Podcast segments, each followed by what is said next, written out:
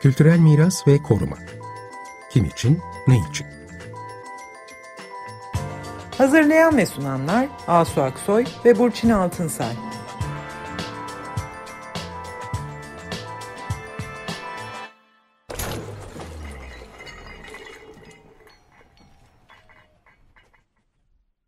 Merhabalar, iyi akşamlar. Ben Asu Aksoy.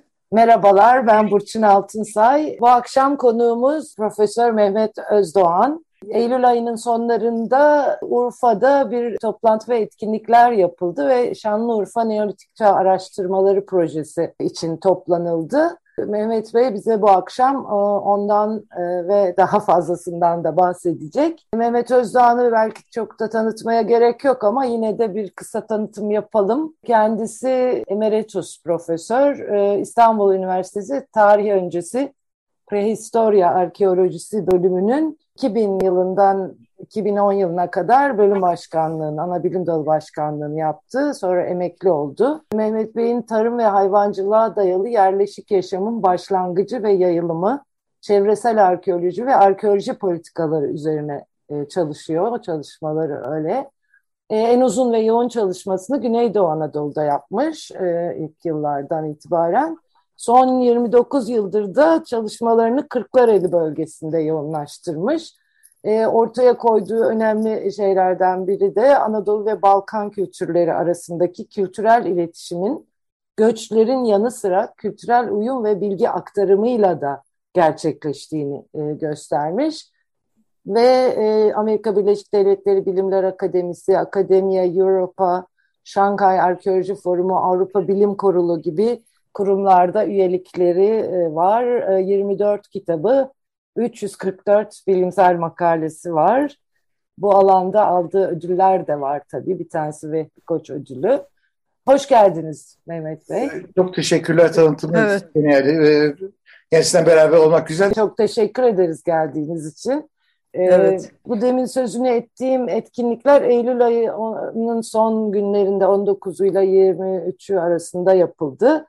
Şanlıurfa'daydı değil mi? Şanlıurfa'da toplanıldı. Evet, uluslararası e, bir e, toplantıydı. Burada hem e, bu Şanlıurfa Neolitik Çağ Araştırmaları Projesi'nin hem de Dünya Neolitik Kongresi 2023'te yapılacak olan onların tanıtımı yapıldı. Kültür ve Turizm Bakanlığı ev sahipliği yaptı. Sizin orada ki sempozyumdaki açılış konuşmanızda da farklı neolitikleri bir araya getirmek başlıklı sempozyumda sizin e, de konuşmanız neolitiği yeniden tanımlamak gibi bir başlığı vardı. Burada e, anladığımız kadarıyla yani Göbekli Tepe'yi biliyoruz hepimiz. Bütün dünyanın işte dikkati orada, herkes orayla ilgili. Fakat o bu proje orada var olan ve yeni de ortaya çıkarılan başka yerleşimlerinde olduğunu ve onların da aynı derecede onun önemli olduklarını söylüyor galiba. Önce bir size bunu soralım. Bu proje nedir? Nasıl bir çalışma olacak? Burada dikkat çekmek istediğiniz konu nedir? Farklı neolitikleri bir araya getirmek veya neolitiği yeniden tanımlamak sizin konuşmanızdaki gibi. Bunlar ne anlama geliyor? Biz sıradan insanlara bunu açıklarsanız. E, çok teşekkürler. Şimdi burada e, esasında iki proje bir araya geldi. Bunlardan bir tanesi e, farklı neolitikleri bir araya getirmek. Yani 2023 Neolitik, Dünya Neolitik Kongresi. Bu benim uzun yıllardan beri yapmayı planladığımız, yapla, yapmayı planladığım bir e, dünya kongresiydi. Bunu çok kısaca bunun nedenini söyleyeyim. Neolitik dediğimiz olay yani bugünkü uygarlığın temelini oluşturan yani e, üretme, işte mirasta, mülkiyette gibi bütün kurum, bütün bugünkü uygarlığın temelleri yani avcı topluluktan yeni bir yaşam biçimine geçiş dünyanın birçok yerinde farklı zamanlarda farklı şekillerde oluyor. İşte bizim yakın doğu modeli var, bunun Güney Levant modeli var. Çin'de oluşan yani Yangtze, Kamçatka'da, Amerika'da, Afrika'da farklı farklı şekillerde, farklı dönemlerde oluyor. Fakat bunların bazıları kör uç olarak kalıyor, bazıları da daha sonraki dönemlere devam ediyor. Çin modeli gibi, Amerika modelleri gibi, işte Yeni Gine modeli gibi. Bunların hepsine ilginç, hepsi ayrı şekillerde, baş, ayrı tarihlerde başlıyor. Fakat sonuçta geldikleri hep aynı. Devlet, e, tapınak, ordu, bürokrasi gibi e, aynı e, ve kentleşme devleti getiriyorlar. Ama tamamen ayrı yollarda, ayrı şekillerde gelişiyorlar. Bunu, bütün bu neolitik, her bir, bunların her bir oluşum bölgesi kendi içinde yoğun olarak tartışılmış, üzerine birçok toplantılar yapılmış. Ama farklı neolitikleri bir araya getiren bir toplantı şimdiye kadar dünyada yapılmadı. Bu bir e, cesaret meselesiydi. Bunu e, birkaç yıldır zaten planlamaya çalışıyorduk. Özellikle Çin'deki e, meslektaşlarımızdan ve e, Sibirya'daki meslektaşlarla. E, Urfa, Şanlıurfa'daki Neolitik projesi bunun bir altını ve son zamanlarda o bölgede çıkan yeni Neolitik, yeni bir Neolitik, yeni bir ruh getiren bunun bulgularda buna bir yerde e, teti, yani biz altlarını kolaylaştırdı öyle diyeyim. Yani onun için e, Dünya Neolitik Kongresi yani farklı neolitikleri bir araya getirme projesi e, tamamen farklı bir şekilde gelişen ama kökü buradan geliyordu. İkincisi ise e, bizim e, neolitik dediğimiz olay yani bu yeni yaşam biçimi bizim bölgede çıkan benim öğrencilik yıllarımdan itibaren neolitik tanımı sürekli olarak değişti. Özellikle e, ilk yani ilk ortaya çık biz öğrencilik yılları işte Braidwood'un e, bizde hocalık yaptığı dönemlerde neolitik gayet basit ve sıra, bir düz bir e, yatay bir toplumsal oluşumla hiçbir e, sosyal e, zenginliği olmayan insana yaşam sağlayabilmek için tahıllara yöneldi. Yani buğday tanesine muhtaç kaldığı bir dönem olarak düşünüyorduk. Giderek bunun farklı bir şekilde, farklı bir yani öyle olmadığı, burada doğal çevrenin zorlayıcı değil, doğal çevrenin olumlu etkisinin olduğu gibi farklı şeyleri görmeye başladık ama e, özellikle e, ve bunu daha çok Güney Levant'tan izliyorduk. Yani Filistin, e, Ürdün ve İsrail bölgesinde izliyorduk. Ama Kuzey Anadolu yani bizim yukarı Fırat Dicle Havzası'nda yapılmaya başlayan çalışmalar özellikle bu baraj kurtarma projeleriyle başlayan çalışmalar o bölgede hiç beklemediğimiz farklı bir modeli gösterdi. Yani sosyal katmanlaşmanın olduğu, e, bir e, elit bir tabakanın elit bir tabakanın olduğu, Neolitik'in e, bir doğal çevreyle beraber değil, doğal çevrenin zorlayıcılığı da değil, oradaki verdiği olanaklarla ve ilk defa bizim tam düşündüğümüz tersine önce yerleşik yaşam sonra tarımın geldiği. Biz eskiden tam tersini düşünüyorduk. Tarım ve ardılı olaraktan yerleşik yaşamı düşünüyorduk. 2003 bin yıllık bir avcılığa dayalı yerleşik bir yaşam ve bir mimarinin gelişmesi, mimarinin bütün sürecinin gelişmesi bunun ardından besin üretimin geldiği gibi çok aykırı şeyler gördük. Bunlar sürekli olarak ezberimiz bozulmaya başladı. Ama e, son yıllarda özellikle son birkaç yıl içinde sadece Göbektepe değil, Göbektepe ile beraber yani o yeni bir yedi, yedi, o söylenen yerler yeni bulunan değil aşağı yukarı şu anda 31 kazıyla tanıyoruz o, o kültürü. Ki bunun içinde Kuzey Suriye'de ve Kuzey Irak'ta yapılmış olan önceki yıllarda yapılan kazılar da var. Toplayarak baktığınız zaman bütün ezberimiz bir daha bozuldu. Tamamen bozuldu. Yani bizim e, bundan 10 sene evvel, 5 sene evvel gördüğümüz Neolitik'in tanımı bir daha sonraki uygarlıkları, kenti geliştiren uygarlığın tanımı hazırlayan altlığı tamamen değişti. Bu e, gerçekten düşünce sistemimize, uygarlık tarihine bakış açımıza yeni bir boyut kazandıran bir olay haline geldi. Bunun doğru anlaşılması lazım. Tek başına Göbektepe'yi aldığınız zaman yanıltıcı bir, bir imaj var. Özellikle National Geographic'te çıkanlar zaten bu. Bunun o kapak resmi olmasıyla orada e, e, topluma yansımıştı ki o tamamen bir yanlış bir imaj. Yani Göbektepe çok önemli ama National Geographic'in kapağındaki canlandırma resmi tamamen yanlış. Ne yani, diyordu orada şey? Hayır, orada e, orada birçok şey diyordu. Yani ha. bir defa e, A mimarinin rekonstrüksiyonu yanlış. Buna yere gömük yapılar. Sonra yerin üzerinde duran yapılar değil. Hepsi yere gömük yapılardı. Yani anısallığı içine girdiğiniz zaman da dışarıda anısal görünüşü yoktur.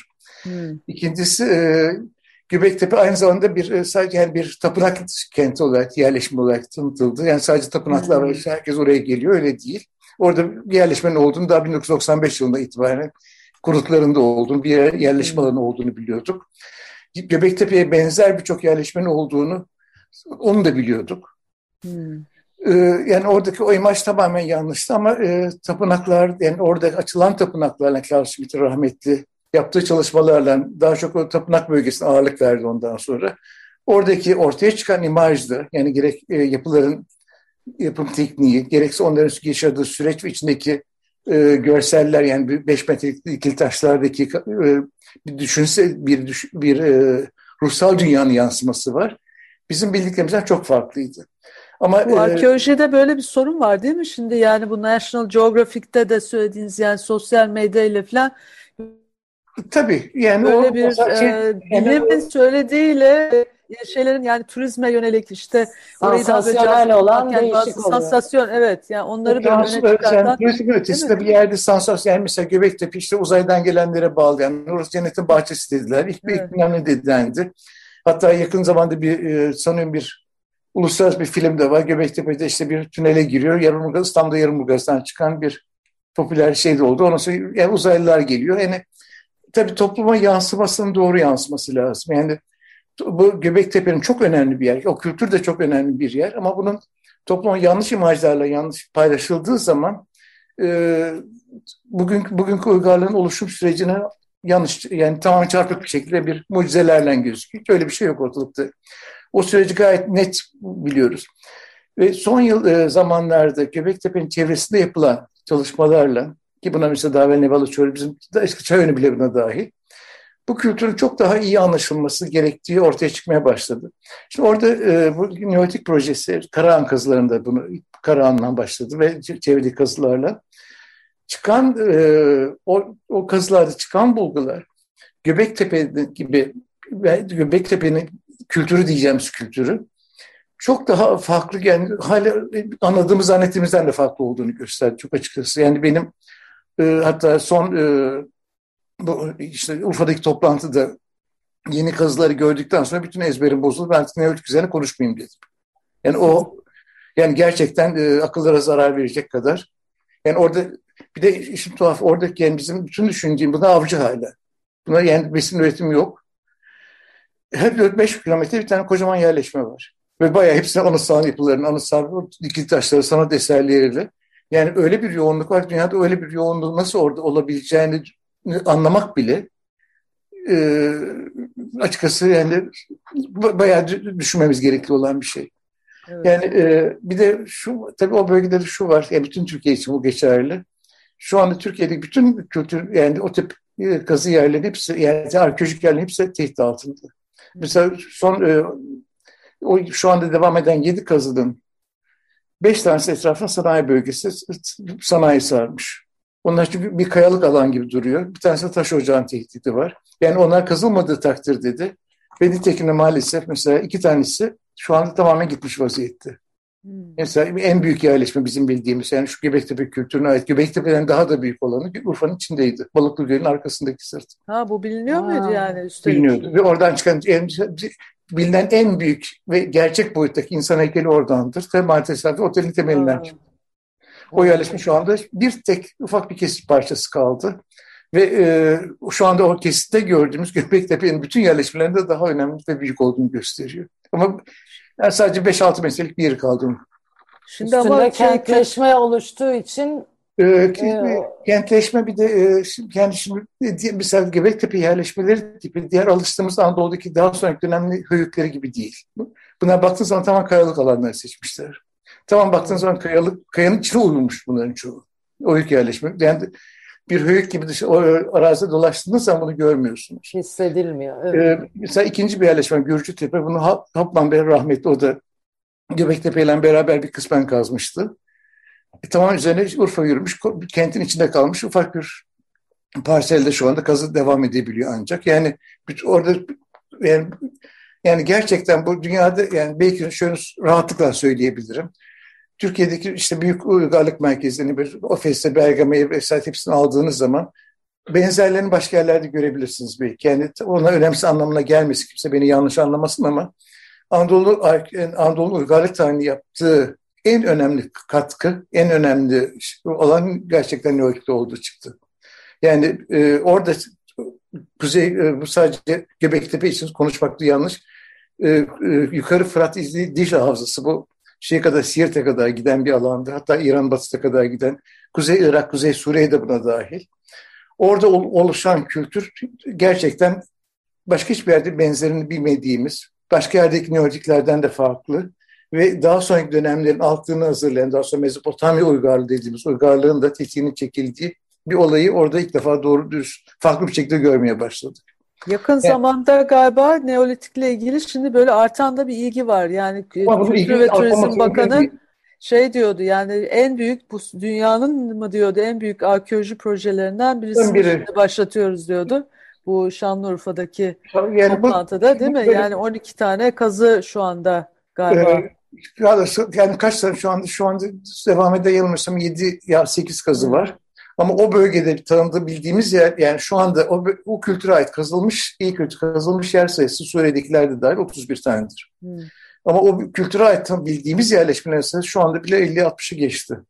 Ve her birinin kendi farklı bir şey görüyoruz. Yani ve çok ilginç bir şey görüyoruz. O devir için olmayacak bir şey görüyoruz. Yerleşmeler arasında e, elit bir rekabet var. Yani bunu belki e, ve bütün değişim momentini de getiren o. Yani yataydan çok e, bunu ben şey benzetiyorum. Yani Rönesans'ta İtalyan şehirler en iyi ressam bende, en iyi mimar bende, en iyi şarkıcı bende gibi. En iyi taş ustası bende, en iyi bilmem bende gibi.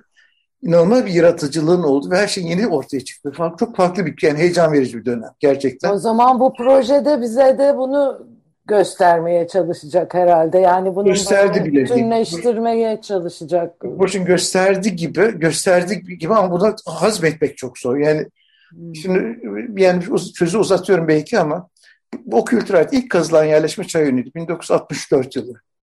Çayönü'nde Bravewood ve Halet Çambel benim hocalarım kazmaya başladıkları zaman yatay bir basit toplum bekliyorlar. Sadece tarıma zaman geçirdi, evcil, evcilleşme nasıl oldu onu bekliyorlardı. Ve ilk anıtsal yapı yani Göbektepe'deki yapıların ilk benzeri daha 64 sezonunda ortaya çıkmıştı. Onu e, özel bir yapı olarak da ev olarak görmeye çalışıldı. Çünkü özel tapınak beklenmiyordu o, dönem, o kültür için. Onun bir özel yapı oldu, bir kült binası demeye 10 sene sonra cesaret ettik. Hmm. On, e, kazı bitti yani bizde e, Çayönü kazısı 91'de bittiğinde biz hala tapınak demeye korkuyorduk. Çünkü o dönemde tapınak olmaz diye biliyorduk. Ki anıtsal dikil taşlar hepsi vardı içinde. Bizim arkeolog olaraktan bile bunu hazmetmemiz bayağı oldu. Ama benim son e, son 10 gün evvel gördüklerimi ben nasıl hazmedeceğimi yani kafamda çeviriyorum çeviriyorum bir türlü hazmedemiyorum ama oradalar. Bu koordinasyon Ve, nasıl olacak mı? Koordinasyon şey, yani e, bir, bir sürü kazı var şu anda. Bir bölge projesi olarak bir danışma kurulu olacak oluş, oluşuyor zaten. Hmm. Vaktiyle bunu bir benzeri, tam bir benzeri 1936 yılında Atatürk'ün yaptığı Trakya projesidir. Trakya hmm. Tümülüsleri projesi. Hmm. Arif Üfit Mansel'i görevlendiriyor. Trakya'daki tümülüslerin kurtarılması ve kazılması lazım diye. Bütün Trakya'da o sırada sanıyorum 20'ye yakın tümülüste birden çalışmaya başlatıyor ve Trakya, Trak kültürü o zaman o şekilde ortaya çıktı. Aşağı benzer bir modeldir. Ama orada bir tane arkeologtur, tektir. Çünkü başka arkeolog yok piyasada o zaman. Yarif Mansell var tek büyük isim olarak da. Burada e, şu anda e, e, projede benim gördüğüm kadarından e, altı, altı üniversitenin katılımı var. Yurt dışından katılımlar var. Ve e, yurt dışından pandemi nedeniyle e, kazı yapmak isteyen fakat pandemi nedeniyle gelemeyen. Mesela Japon ekip gelemedi. E, bir Alman ekip gelemedi yani farklı üniversitelerle bir bir yerde bir e, bir konsorsiyum gibi yürüyecek belki bir şekilde ama birbirine entegre olup birbirine bilginin paylaşılması lazım. Çünkü her bir kazıda çıkan bilgi ötekinden daha farklı. Yani aynı kültür tamamlıyor. Bir, bir e, gerçekten Dicle'ye kadar, Siirt'e, Batı İran'a kadar ortak paydaları var fakat her birinin ayrı bir kimliği ve ayrı bir inovatif bir yaratıcılık gözüküyor ortalıkta. Bunu bizim hazmetme, anlamamız, paylaşmamız ve daha sonra bunu topluma kazandırmamız lazım. Gerçekten evet. bunu yani hem bilim dünyasına hem de oradaki topluma bunu kazandırılması lazım. Hiç kolay iş değil. Bunu hazmetmemiz, bizim arkeolog olaraktan hazmetmemiz bence daha da zor. Şemsiye yani ben, bir yani, proje altında olması iyi galiba. Hani bilgiler de böyle yok daha yani birinci bireysel, elden paylaşılacak. Ee, yani kendi, mesela bundan evvel mesela konuşulacak. Delelli Abra kazıldı bu kültüre. Aşağı yukarı öyleydi. Şimdi Türkiye'de kötü kazıldı. Hep bireysel kazıldı. Her, her kazı kendi şeyi içinde gidiyordu. Ama Urfa'da son e, yani o on, işte son 10 gün evvel şeydi. Bütün ekipler bir araya geldi ve bilginin bir paylaşım var ortalıkta. Bu hmm. gerçekten örnek bir çalışma, örnek bir şey oldu. Ve her çünkü her bütün ekipler şaşkın. Yani çıkan çıkandan ben bunu bekliyordum diye kimseyi görmedim. Yani Peki bir şey var mı? Böyle bir e, bir hız yani bir hızlanıp böyle hızlı hayır, sonuçlar hayır, çıkartma. Bir, bir yerde, gibi... iki yerde var. Hızlanım iki yerde var. Onlar ikisi de kurtarmış. Çünkü bir ambar çayı, hmm. ambar çayı üzerinde yapılan bir baraj projesi var. E, Sakarya Üniversitesi'nden Tuğba Öksel Hoca'nın kazdığı yer. İkisine de o kazıyor. Orada bir barajın e, tehdidi var. O da yani akıllara durgunluk verecek kadar önemli bir yer. Ama orada e, bir kurtarma kasası olduğu için Tuğba orada tam hız devam ediyor. Öteki kazada zaten üniversitede, hocalar üniversiteye döndükleri için gelecek sene kadar yani ancak koruma ve belgeleme dışında kazı zaten dur, dur, yani bir çoğunda durdu durmak üzere. Sizin ama de söylediğiniz gibi türlü tehditler var tabii yani. E, ama bir kere kazı başladıktan sonra kazı yani şu anda o tehdit bir yerde ama mesela e, ilginç iki tane yere gittik. Yani bütün çevresi her tarafı sanayi, sana, gelişen sanayi var. O sanayi, o, o kayalık alanın üzerine çıkmak ve taş ocağı olarak da şey, ihtiyaçlı şey var. Yani kazılar bunları bir, bir engelliyor bir yerde. Hmm. Ama e, yani, olay gerçekten şu ana kadar e, çok ilginç bir sürece girdi. Bu benim yapmak istediğim, esas yapmak istediğim 2023 kongresinin de e, bir, bir yer tetiğini sağladı ve yerel desteği en azından yani bunu ben İstanbul'da nasıl yaparız? Çünkü çok büyük bir kongre düşünüyorduk. Bunu yani düşündüğüm model çok düşük büyük bir kongre. Zaten onun e, yönel steering komite dediğim yönlendirici komite de Urfa'ya geldi. Gelebilenler pandemiden özellikle Rusya'dan, Novosibirsk'ten gelen arkadaş ve başkaları geldi. Onlarla birlikte Urfa'da sanıyorum yerel e, desteği de alarak yani Urfa'nın buna çok e, ve Harran Üniversitesi'nin çok bir e, şeysi var. Ondan sanıyorum o yerel destekle bu beraber olacak.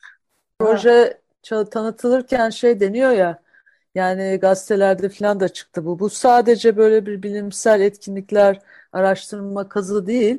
Aynı zamanda işte ziyaretçi karşılama tanıtım merkezleri olacak. Sergi ve çevre düzenleme projeleri, ulaşım ve altyapı düzenlemeleri gibi uygulamalar da olacak diyor. Yani buna böyle bir şey olarak işte aynen burada dendiği gibi böyle bir bir taraftan turizm gözüyle, evet. turizmle ilişkili e, görünüyor tabii. Turizmle kültür mirası arasındaki ilişki çok doğru yere konduğu takdirde bir toplum paylaşılmaktır. Evet. Bunu yanlış koyduğunuz takdirde kültürün yok edilmesidir. Zaten oradaki yerleşmelerin mesela yani Karahan gibi, Anıtsal Mimar'ın çıktığı işte Sayburç gibi yerler mutlaka topluma kazandırılması lazım. Ve tanıtma yani gelen ziyaretçinin orada en azından tuvalete gidebileceği bir imkan olması lazım. Ama e, benim gördüğüm yani anladığım kadarıyla orada esas sorun bu yerlerin bilimsel kazısının yapılması ve ondan sonra bunun toplumdan paylaşılması. Toplumdan paylaşmanın e, ayarını, dozunu ve uygulamasının doğru konduğu takdirde turizm onun içindedir gayet. Yani şu anda Göbektepe'ye gelen turist oraya bir zarar vermiyor. E, yani hem o bölge kasın hem de gelenlerin düşünsel zenginliğini arttıran bir şeydir. Ama doğru uygulanması lazım. Ama önce o yerlerin korunması ve ortaya çıkması, ondan sonra bunların nasıl topluma tanıtılacak hale gelen, mesela Göbektepe'de hatalar var çok yani çatın hataları var. Oradaki yani uygulamada her e, yapılmış yani her şey çok mu muhteşem değil gayet yani gerek o çatının ne kadar koruduğu, çatı yapılırken ki sorunlar gibi çok yani, yani oradaki doğan da çok zor olduğu bir bölge. Bu projenin Ama, önemli bir ayağı olacak herhalde. Çünkü nasıl ki mutlaka koruma, burada korunma Evet. E, ve, top, ve bunun e, neyin, neyin müzede sergileneceği, neyi modellemeyle sergileneceği, neyin yerinde sergileneceği ve bunun topluma nasıl anlatılacağı, anlatım dili bu gayet tabii bu ayrı bir şey. Turizm Burada baskısı bir, e, da bir risk çünkü değil mi? O riskin de tanımlanıp... Tabii riskin hani, çok doğru o şey. Yani Göbektepe'de şu anda kontrol altına gidiyor. Yani o e, ziyaretçi merkeziyle alan, e, kazı alanı arasındaki mesafenin uzak olması e, bir denetimli bir sistemi beraberinde getiriyor. Çünkü aksi takdirde herkes bir oraya saldıramaz oraya. Evet, evet, Onun çok e, uzun vadeli olarak iyi planlanması, doğru planlanaraktan ve sanıyorum ki yani gördüğüm kadarıyla e, diğer yerleşmelerle ve şu anda mesela Urfa Müzesi'nde son çıkan bulgular, Karahan buluntuları sergilen STP ile beraber yani en son çıkan yani bir binada 60 tane heykel çıkıyor. olacak şey dinliyor dönem için. Evet. Ve bir tanesi benim yani hala hafızamda almış sırtına leopar taşıyan bir adam heykeli var. Yani Neolitik'te o kadar saçma bir heykel ki. Yani bunun Çanak Çömleksiz Neolitik'te bunun öyle bir heykelin yapılmış olması yani neyle, niye, yani niye, nasıl açıklanır, niye açıklanır bilmiyorum ama öyle bir şey var ortalıkta. Bütün bunları evet. anlamamız da zor. Anladığımız kadarıyla arkeologlar harıl harıl çalışacak ve e, bize de daha sonra bunu anlatacaklar ve Bu sadece 2023 arkeologların ya burada mimarların da sana yani kültür tarihçilerinin yani evet. farklı yani genel bunun bir- e, doğa bilimcilerin içine gir, olduğu yani bu o dönemi anlayacak, o dönemin yaşamını anlayacak bunu sadece arkeologların yapacağı iş değil. Evet. 2023'te de e, Evet. 23'e kadar da 2023'ten bağımsız yani o ya ortada olan çalışmalar tabii ona bir renk renk katı ve oraya katılımı arttıracaktır mutlaka ama zaten 2023 kongresi için çok büyük bir talep var. Yani dünyada ilk defa bu yapılacak. Ama Göbektepe kültürün tartışılacağı yer değil o. Diğer, diğer modelin küresel ölçekte işte kentleşme ya doğal çevrenin etkisi, beslenme modelleri gibi farklı bir e, açıdan gerek Orta Amerika'da olan gerek Güney Amerika'da olan ya Çin'de olan modelleri karşılaştıran aynı masada bir tabloya bir masaya birlikte yatırıldığı bir kongre tasarı düşünüyoruz. Ve bu ve ilk defa olacak böyle bir toplantı. evet. Çok güzel vallahi. Kolay Çok gelsin. güzel. Kolay gelsin. Teşekkür ederiz. Teşekkür Mehmet Evet. Bey. Her zaman tabii destekleyebilirsiniz. Fikirlerinizi lütfen bize bildirin. Ne yapabiliriz? Nasıl anlatabiliriz? Yani Ya sizden gelecek gelen fikirler de bizim için yani bizim tek yönlü bakışımızdan sizden gelecek fikirler daha farklı renkler verebilir. Çok Evet. teşekkürler geldiğiniz için. Evet, ilginize teşekkürler. Bitti maalesef. İyi, İyi akşamlar. akşamlar Hoşça kalın. Kültürel miras ve koruma. Kim için, ne için? Hazırlayan ve sunanlar Asu Aksoy ve Burçin Altınsay.